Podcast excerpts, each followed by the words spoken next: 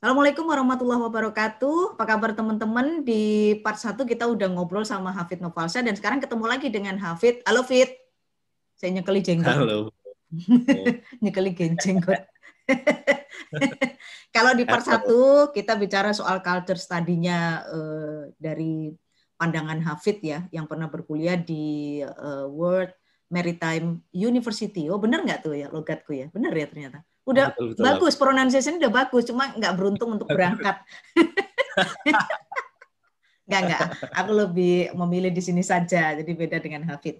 Nah yang di part 2 ini eh, kita akan berbincang ngobrol soal eh, culture shock ya. Ini banyak sekali pertanyaan yang masuk sebenarnya ke DM Instagramku kenapa rata-rata podcastku yang di YouTube baik itu yang di Spotify juga itu pasti mengulas dua hal itu. Yang pertama tentang studinya itu sendiri, yang kedua kemudian eh, hal-hal yang terkait dengan kebiasaan ya. Apa sih pasti beda lah, apalagi ini uh, Hafid biasa di Indonesia, uh, mungkin antara Solo dan Surabaya saja, tapi kemudian terbang ke Eropa. Sebelumnya udah pernah belum Fit? Uh, sebelum pendidikan ini kalau cuma jalan-jalan pernah nggak ke sana? Ke Swedia? Iya, enggak lagu wong desa. Oh, wong desa. Cuma kantor bapak. Sabtu eh cuma sore numpak sepur mulih ngono tok ya. kan gak pernah kebayang ya. numpak apa? Ekonomi. Sing ekonomi. Nggak, artinya kan nggak pernah kebayang kan Fit. Nanti suatu saat tuh aku RP kuliah S2 ke Swedia itu nggak pernah kebayang ya. Lah, ketika Hafid itu um, apa namanya uh, memutuskan kita mendaftar dulu ya kalau beasiswa, kebayangnya seperti apa Swedia itu? Atau sudah ada bayangan sebelumnya dari kakak kelas mungkin, oh nanti itu kamu bakal gini loh Fit gini-gini. Kebayangnya kayak apa Fit Swedia itu? Oh, terlepas dari Swedianya ya, kalau kehidupan Eropa lah. S2 mm -hmm. ya, itu sih saya tak telepon banyak banget sih Bu yang namanya buat jaga-jaga kan hmm. belum pernah juga ke Eropa. Saya telepon ke banyak banget senior di kantor yang penerima beasiswa-beasiswa sebelumnya. Hmm. Itu mereka sangat detail banget sih, sabar jelasin mesti gini gitu, trik hematnya ini itu uh, bahkan yang di apalagi yang di WMU ya, itu ada namanya sistem body uh, body uh, kayak hmm, teman, teman gitu. Itu begitu kita keterima, itu udah langsung ditunjuk ada badinya siapa. Oh. Jadi sepanjang persiapan apa yang perlu dibawa, apa yang nggak boleh dibawa dan apa yang nggak boleh dilakukan dan apa yang harus dipersiapkan dan dilatih itu semua udah dikasih tahu sama beliau. Saya dapat Mas Anwar Siregar yang sekarang di uh, Komisarisan oh, mm -mm. Jakarta. Mm. Even sampai nanti sholatnya di mana, beliau kan sangat sangat ta sangat taat udah di udah di ini udah di share nanti kalau di apa jumatannya yang dekat di Masjid Turki nih kalau beli makan halal di Food nih yang apa banyak uh, banyak imigran dari Timur Tengah beli makan di sana gitu-gitu. Hmm. even sampai hal-hal yang private gitu juga udah di dapat hmm. direction sih jadi lumayan aman. Di lumayan aman. airport jemput oh di airport dijemput dia Anwar? Bahkan itu hmm. airportnya nggak di ya di Denmark ya di Copenhagen wow jalan-jalan sih. Lo dulu transit mana Fit? Transit mana dulu? Surabaya nah, Jakarta? Ini ini enggak ria ya ini alhamdulillah. enggak enggak Jadi, enggak cuma ria sama pamer kan bedanya tipis ini sama lagi. Enggak, ini kan kita sharing. Saya nggak pernah milih, tapi kebetulan memang waktu berangkatnya mepet terkait urusan visanya kan khusus ya, visa tipe D dan lain-lain itu berangkatnya mepet dikasih Emirates. Waktu itu Emirates lagi oke-okenya lah. Dan saya dapat Emirates yang tingkat dulu, Bu. Oh, oh, oh, oh. Iya, iya, iya. Ini dari Jakarta dari Jakarta nggak ada Jakarta dari Jakarta oh biasa aja ke... ngomongnya biasa aja Jakarta mas. Orang Jakarta. Dari Jakarta sampai Dubai naik Emirates yang biasa dari Dubai sampai Copenhagen naik yang tingkat itu. Waktu itu lagi baru-barunya lah. Jadi saya sempat waktu di jalan di di Garbaratanya mau ke kabin itu saya kayak Wah, ini kan yang di iklan-iklanin yang tingkat itu wah naik. Terus kamu nggak nggak selfie selfie gitu langsung masuk Instagram gitu nggak? Langsung story dong? Nah. Hah? Hah? di dalam, di dalam. Loh, kok uh, dari baik. dari ini kok ke Copenhagen sih, Fit? Masih jurusan itu loh. Secara, karena secara geografis Swedia itu eh sorry karena secara geografis kota Malmö di Swedia itu terletak di selatan Oh ya Malmo ya ibu tujuannya. itu jauh. Jadi ke Copenhagen Denmark itu lebih dekat. Jadi masalah logistik itu lagi-lagi lebih dekat dari Copenhagen ke Malmö daripada dari eh, Dari ibu kotanya sendiri ya malah. Loh, apa namanya? Dari Copenhagen-nya ke Malmo pakai apa transportnya? lewat Øresund Bridge. Jadi jembatan yang eh, di atas air dan di bawah air, ngelewatin selat gitu. Hmm, oh gitu ya. Oke oke oke. Nah itu kan nggak kebayang ya Fit. Keba eh, ke- maksudnya nggak kebayang. Setelah sampai ke sana ke Swedia, ternyata apa culture yang bikin kamu shock itu apa? Kaget gitu ya. Loh kok gini ya? Kok nggak seperti yang dikasih tahu Mas Anwar misalnya gitu? Ada nggak yang begitu? Eh, apa yang paling kaget ya?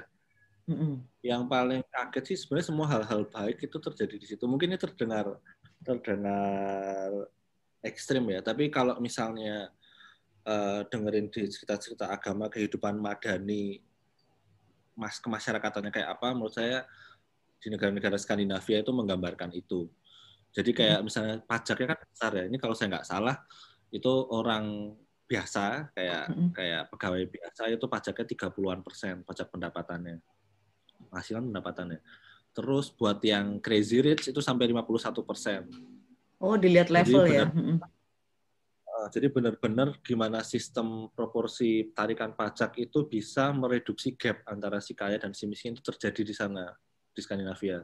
Gapnya itu dipakai buat public services, transportasi gratis atau bayar dengan harga sangat minimum untuk kualitas yang luar biasa, kesehatan gratis. Bahkan waktu istri sama anak saya yang datang sebagai tamunya tamunya Tamu. masih gratis Hmm. juga.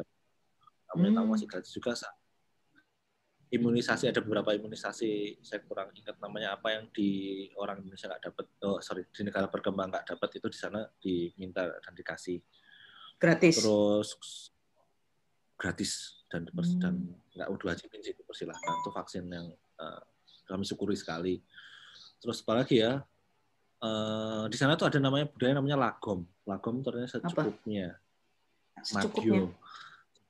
Madio. Madio. berlebihan. Misalnya nih, aku nggak tugas nih bu, presentasi. Karena Hmm. humas kan, wah desain ya kan. Mm-mm. Itu buat teman-teman yang dari Eropa sama profesornya. Ya kalau mau di desain-desain tuh so Asian. Jadi enggak lah, Oh. esensinya aja, nggak perlu berlebih-lebihan. Oh gitu. Pakai baju Hmm. juga, baju eh, misalnya, coat itu kan mahal ya. Yang di H&M yang sejutaan sama yang J. Lindeberg yang 10 juta, 20 juta yang anti air itu modelnya nggak beda-beda. jauh.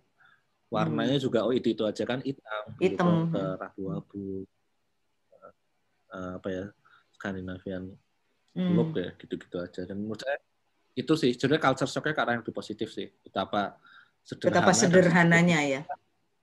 less is more. Hmm, gitu. Lah aku pernah denger ya Fit eh, cerita siapa ya? Si Karis apa Karis itu juga eh, Swedia ya? Oh, Di- S15 dia 15 berarti. Coba aku tolong dikoreksi ya barangkali aku salah. Jadi ketika dia masuk asrama itu barang-barang eh, ya properti lah misalnya kayak eh, coat-nya kakak kelas itu masih ditinggalin di situ bisa kita pakai. Benar nggak itu? Oh, betul sekali. Bu. Oh, dapat warisan gitu katanya ya. Oh, heeh. Oh. Jadi aku kan berangkat cuma bawa satu tas ya. Mm-mm. Karena ya terbatas. Karena mengandalkan warisan ya kamu ya. Pasti kamu mengandalkan warisan. Paket ada itu tahun tahun per tahun ada. Bahkan bahkan ada senior yang mewariskan apa stick golf lengkap juga ada. Jadi saking Saking males bawa ya. banget dari Mas Anwar ya. Hmm. Iya, dapat ada monitor tambahan kerja, dapat apa pemanggang roti, dapat uh, microwave. Banyak lah, Hmm. itu turun temurun nggak cuma dan itu bukan membantu sebatas dari Pelindo ke Pelindo ya, tapi Mm-mm. itu sebagai Indonesia. Dan bahkan aku jadi badinya orang Timur Timur.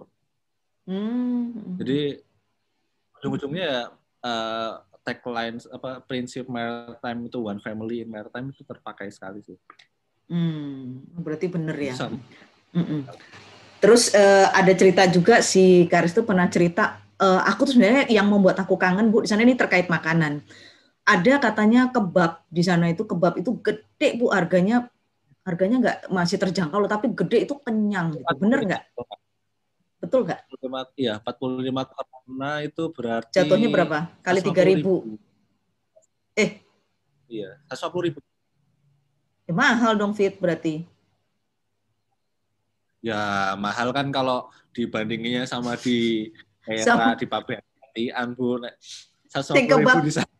Kebab pinggir jalan nang gini cuma lima belas ribu.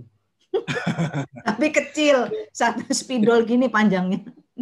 Kebabnya itu modelnya dikasih tempat waktu itu masih pakai styrofoam deh kayaknya. Masih pakai styrofoam langsung ada bagi dua gitu, bagi tiga kan. Satu itu uh, kubis itu dikasih saus. Selada, Fit, bukan kubis, bukan kubis, selada. Oh, selada. Mm -hmm. Nek wong deso kan ngomongnya kan kubis. kubis. Putih apa hijau warnanya? Yang kubis hijau, hijau, hijau. Bisa selada dikasih. Wong deso ngomongnya kubis. Terus? Terus dagingnya. French fries. Hmm. Soalnya yang ayam. Oh. Nah, jadi, jadi harga itu segitu banyaknya. Apa, ini bukan uh, bukan cerita buruk tapi cerita kondisi ya. Hmm. Kan perusahaan melakukan tata kelola tata tata kelola yang baik ya. Jadinya pengiriman uang sekolahnya kan telat tuh. Tuition fee-nya udah ya hidupnya telat. Karena saya kan angkatan angkatan kesusu. Hmm. Nah, akhirnya itulah yang menyelamatkan saya. Jadi ceritanya sudah dua bulan aku nunggu uang biaya hidup itu bobotku turun 8 kilo lah. Ya bagus dong. Oh iya sih dari sisi itunya. bagus dari sisi apa asupan gizinya ya hancur Terus selama itu, itu kamu bertahan hidup itu selain makan kebab apa? Yang murah lagi apa? Nahan kiriman belum datang ini loh. Iya, kebab tuh makan tiga kali. Ayamnya tak ambil dikit dimakan sama french fries-nya. Ngomong masih crunchy kan. Sayurnya lagi harus langsung dimakan karena kan bau. Nah, ayamnya ini tak masukin aluminium foil, tak masukin ke fridge. Nanti buat makan besok pagi pakai beras berasnya beli di warung di toko Vietnam. Oh enggak, uh. cukup duit bu. Jadi oh, itu jadi beras, beras apa? kayak Indonesia kecil-kecil itu. Beras jasmine ya. Ya, itu yang kecil-kecil.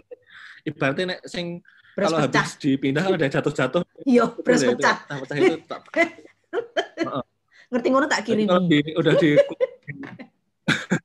dimasukin rice cooker tuh jadinya kayak bubur tuh, nggak satu-satu uh, gitu. Uh, makan sama tuh, bisa uh, tiga kali makan. Hmm, hmm. Terus Indomie selera aku jelas. Cuman karena ya, jelas. dari Belanda kan kita harus nambahin garam sendiri. Sama satunya ya makan dari ini Bu, makan dari kampus tadi, WMB Bistro itu yang disubsidi. Itu, itu makan siangnya murah ya. Jadi itu makan senilai 200 dijual seharga 80-an ribu. Oh, murah banget ya kurang dari separuhnya berarti. Iya kan? Jadi dua bulanan itu aku pagi sarapan itu kalau nggak kebab kemarin, yesterday's kebab, gojek-gojek. kebab. itu pokoknya aku beli lem tiap hampir seminggu dua atau tiga kali ke ke Alfamartnya aduh merek, uh merek di sana ya. Uh Ini pasti tomat, selada, lemon, roti tawar. Ya, ya itu makanan yang uh, membuat perut itu agak sedikit kebujuk lah. Kan kembung-kembung semua tuh itu. Tomat iya, selada iya. kan kembung semua itu. Jadi kayak toh warak menu padahal kosong tengah. Nah terus ya, apa yang terjadi ketika ketika uh, uang kiriman sudah datang oh berubahlah gaya hidupmu gitu ya? Oh, habis itu isunya ganti. Habis uang kiriman datang, aku stres nah. karena visanya Tania sama jadi saya itu belum. Di approve. Mm-hmm. Padahal uangnya ada nih, niatnya kan uang itu dipakai buat sewa apartemen di luar. Mm-hmm. Karena sewa apartemennya itu mencapai 13-an juta sebulan. 13 juta rupiah? Ya, sebulan ya. Lo kalau yang di asrama uang, si itu tadi, uh, asramanya kampus? Udah dibayar. Oh iya, udah termasuk biaya yang kemarin disebut itu ya. Nah, hmm. Terus kalau yang apartemen kalau, berarti? Hmm. Kalau di kalau keluar dari situ hmm uh, kembaliannya ju jujule itu sangat sangat nggak masuk lah kecil sekali. Hmm. Akhirnya uang biaya apa biaya yang dari kantor biaya hidup yang sempat tak irit itu kan aku sih super hemat kan itu belum kepake itu dipakai buat sewa apartemen setelah anak istri datang. Itu 13 juta satu bulan. Satu bulan. Jadi itu kosanku uh, di Surabaya itu di sana sebulan. Itu berapa kamar? Satu kamar aja? Apartemen satu kamar atau? Studio. Satu oh, tipe studio. dan kitchen. Oh gitu. Tapi listrik sama air apa sudah termasuk? Internet? Oh, kalau internet enggak, tapi kalau listrik, air dan kebutuhan dasar hidup manusia hmm? kalau di Skandinavia gratis, Bu. Oh, gratis semua. Oh, gitu. Terus berarti uh, kalau untuk makanan halal gimana, Fit? Di sana sulit nggak? Jadi kita bicara tentang uh, kan kita Muslim ya. Kalau di sana gimana? Cari makanan halal gampang apa enggak? Makanan halal gampang sekali. Ada beberapa toko luku, misalnya luku food tadi itu kayak kan banyak imigran. Jadi Swedia itu dua kali menerima menerima uh, pengungsi saat tahun kalau salah sih ini kalau salah ya tahun 90 itu Ethiopia, tahun yang kemarin saya datang itu Syria. Hmm. Jadi karena banyak mereka yang butuh makan halal juga, jadi banyak komunitas muslimnya juga di sana. Akhirnya ada telah supermarket hmm. yang dikelola oleh uh, imigran Timur Tengah itu namanya Food. Kami beli dagingnya di situ. Oh. Kalau beli ikan sih kadang-kadang di pasar-pasar yang ada tempat orang Vietnam, orang Thailand itu ikan nggak masalah. Hmm. Terus masalah toleransi gimana ya, Fit? Mereka toleransi di sana gimana? Toleransi agama? Sebenarnya kalau yang saya rasa sih eh, agama itu tidak menjadi bukan merupakan faktor yang dominan dalam pemerintahan negara. Mm -hmm. Jadi eh, waktu saya di sana uniknya waktu saya di sana itu kan Ahok Ahok Anies Baswedan lagi rame di Indonesia. Dan itu untuk pertama kalinya bangsa Indonesia mengalami uh, pemilihan umum politik yang kental dengan nuansa uh, identitas ya. Saya kebetulan ikut seminar duduk sebelahan sama peneliti PNS di Swedia. Dia cerita kalau oh gitu ya sampai ada isu agama itu masih di sini dia yang saya kaget sekali dia bilangnya semacam syukurlah kami sudah ateis.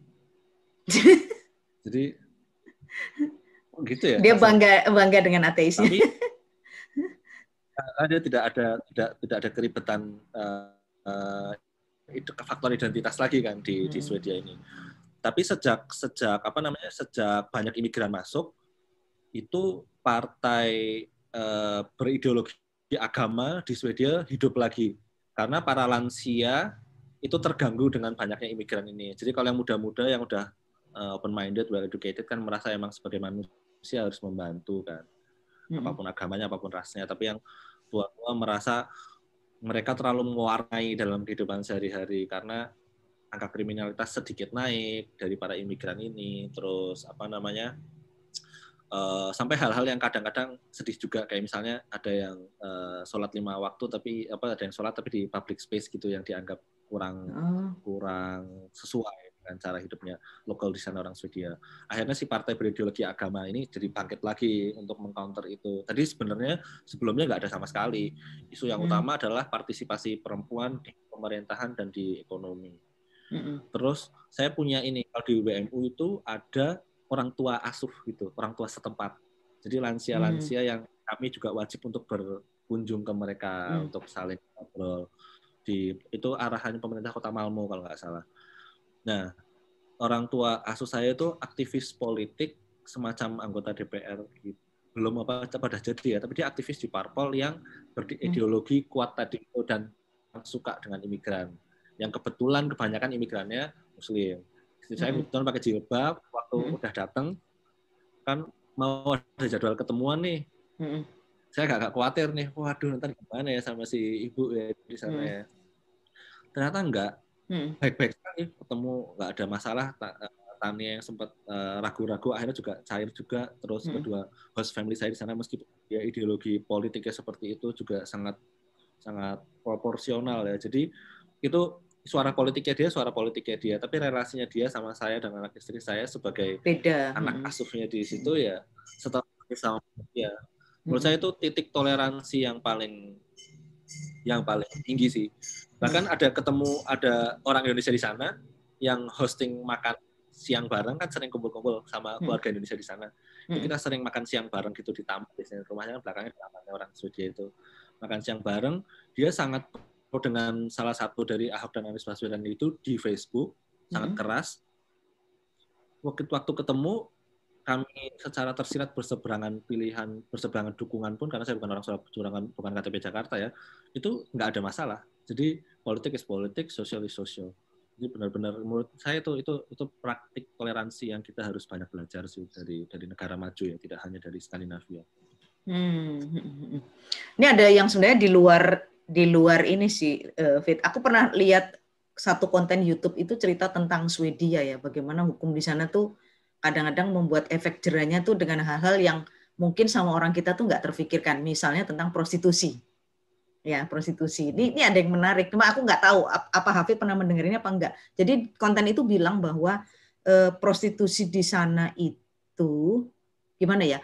Istilahnya kalau ada dua orang saling jual beli ini, sorry, jual beli laki dan perempuan, itu yang akan diadili secara hukum itu justru lakinya yang jajan. Kalau ketahuan tapi perempuan yang ya sorry, perempuan yang menjajakan diri ini tidak kemudian e, berakibat hukum itu benar apa enggak sih Fit? Atau kan pernah dengar nggak kayak gitu?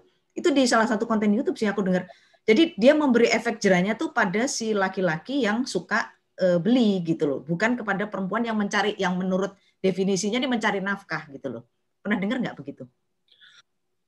Uh, saya nggak tahu, belum pernah baca aturan mm -hmm. pastinya ya dan kebetulan saya tidak berkecimpung bukan salah satu beli di kebutuhan jasa tersebut. Tapi seingat saya waktu di waktu di sana kan kebetulan banyak laki-laki ya, Bu ya. Itu yang ketawa kan, siapa ya, Tania ya? Otomatis sih, seperti kita banyak tahu tampak pembelinya kan banyak banyak laki-laki kan dibanding perempuan dari tersebut. Uh, uh, uh, Itu teman-teman saya yang laki-laki itu nggak pernah nggak pernah nggak pernah apa ya konsum jasa itu tuh terserah kan. Ya. Tapi konsumennya itu nggak bluffing, nggak banyak ngomongin ke Indonesia. Faktor ya. biologis yang pemenuhannya urusannya masing-masing. oh. hukumnya saya nggak pernah baca, tapi ya. saya pernah dengar kenapa apa itu masalah ini sih bu, masalah cara pikir orang di sana sih. Jadi itu kan masalah supply sama demand ya. Dipotongnya itu supply-nya.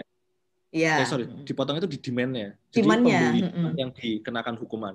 Iya. Uh-uh. Betul. Akhirnya itu turun drastis. Jadi nggak ada yang beli. Apalagi paspor bukan paspor Swedia nekat melanggar itu masuk apalagi di negara yang sangat gender equal kayak di Swedia di mana perempuan coba terus dipus dinaikkan harkatnya dengan peran ya di ekonomi dan di pemerintahan biar mereka nggak kebelatuk di jasa hmm. itu kan dipotong di di dihajar hukumannya kan di yang pembelinya kan. Iya. Jadi mm -hmm.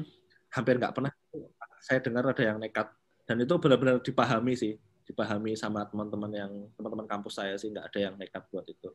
Tapi menarik loh itu konsep pemotongan Jadi, demand itu ya. Artinya kan mungkin itu nggak terpikirkan sama kita. Kita selama ini kan berpikirnya kamu tuh menyalahi aturan ketika kamu jualan gitu loh. Tapi ternyata mereka berpikiran berbeda. Yang bermasalah itu ketika kamu beli terserah orang mau jualan nggak kue ratuku kan mereka nggak bisa ini juga gitu itu menarik bener loh itu jadi itu terkait dengan itu sih ya uh, itu aku pernah baca di salah satu konten YouTube terus balik lagi nih fit ke uh, culture itu, untuk kenapa kalau boleh nambahin bu uh-huh. kalau boleh nambahin jadi ada beberapa saya ada profesor namanya profesor Manuel itu dia sering ngasih sharing soal hal-hal praktikal yang di luar yang, yang menurut saya sangat brilian sekali. Misalnya pada suatu kali ada tanah kosong di Swedia, tanahnya itu di hook, di hook, jadi mm -hmm. di hook kayak gini.